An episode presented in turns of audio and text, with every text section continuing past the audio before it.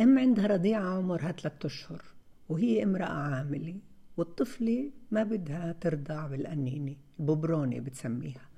بدهاش ترضع بالببرونة. والأم مش عارفة إيش بدها تعمل هي امرأة عاملة وهذا الإشي عم بتعبها وتقل على قلبها. طبعا هذا بده يصير. هذا ثلاثة أشهر رضيعة تعتادت على إنها ترضع منك. إسا بدنا ننطيها قنينة وبدنا فيها مصاصة. المصاصة غير عن اللي كيف كانت ترضع بالأول. معاها حق الطفلة. طفلة اعتادت لثلاث أشهر على طريقة أكل اللي إسا بدك تغيري لها الطريقة. شو المطلوب منك؟ صبر. رواق. نفسية مرتاحة. تقولي ياي هذا إشي طبيعي. هي مش ميجنة.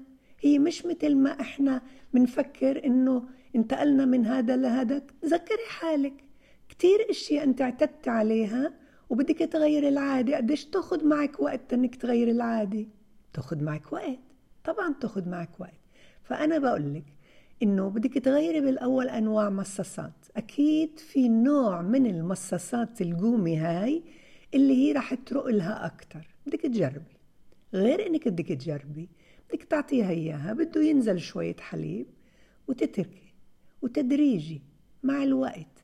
تاني مرة تزيدي شوي وتتركي وتعبتي وتغني وتحكي قصة وتلعبي وتهللي وتغني ترقصية اللي هن هن كتير مريحات لعمرها ثلاثة أشهر تهاليل. حتى لو حطيتي موسيقى. أنا سجلت لك على آه، اليوتيوب آه، حلقتين لأغاني ترقصية للأطفال للطفولة المبكرة. وقصة قصة كتير بتساعد. مليان قصص للطفولة المبكرة للرضيع اللي فيها أنا بحب مثلا سلسلة هنا. أنا اسمي هنا أنا وألعابي كتير مريحات وإلك مريحات بالسرد. تلتهي بالسمع بتمص من غير ما تحس وهذا كتير ضروري.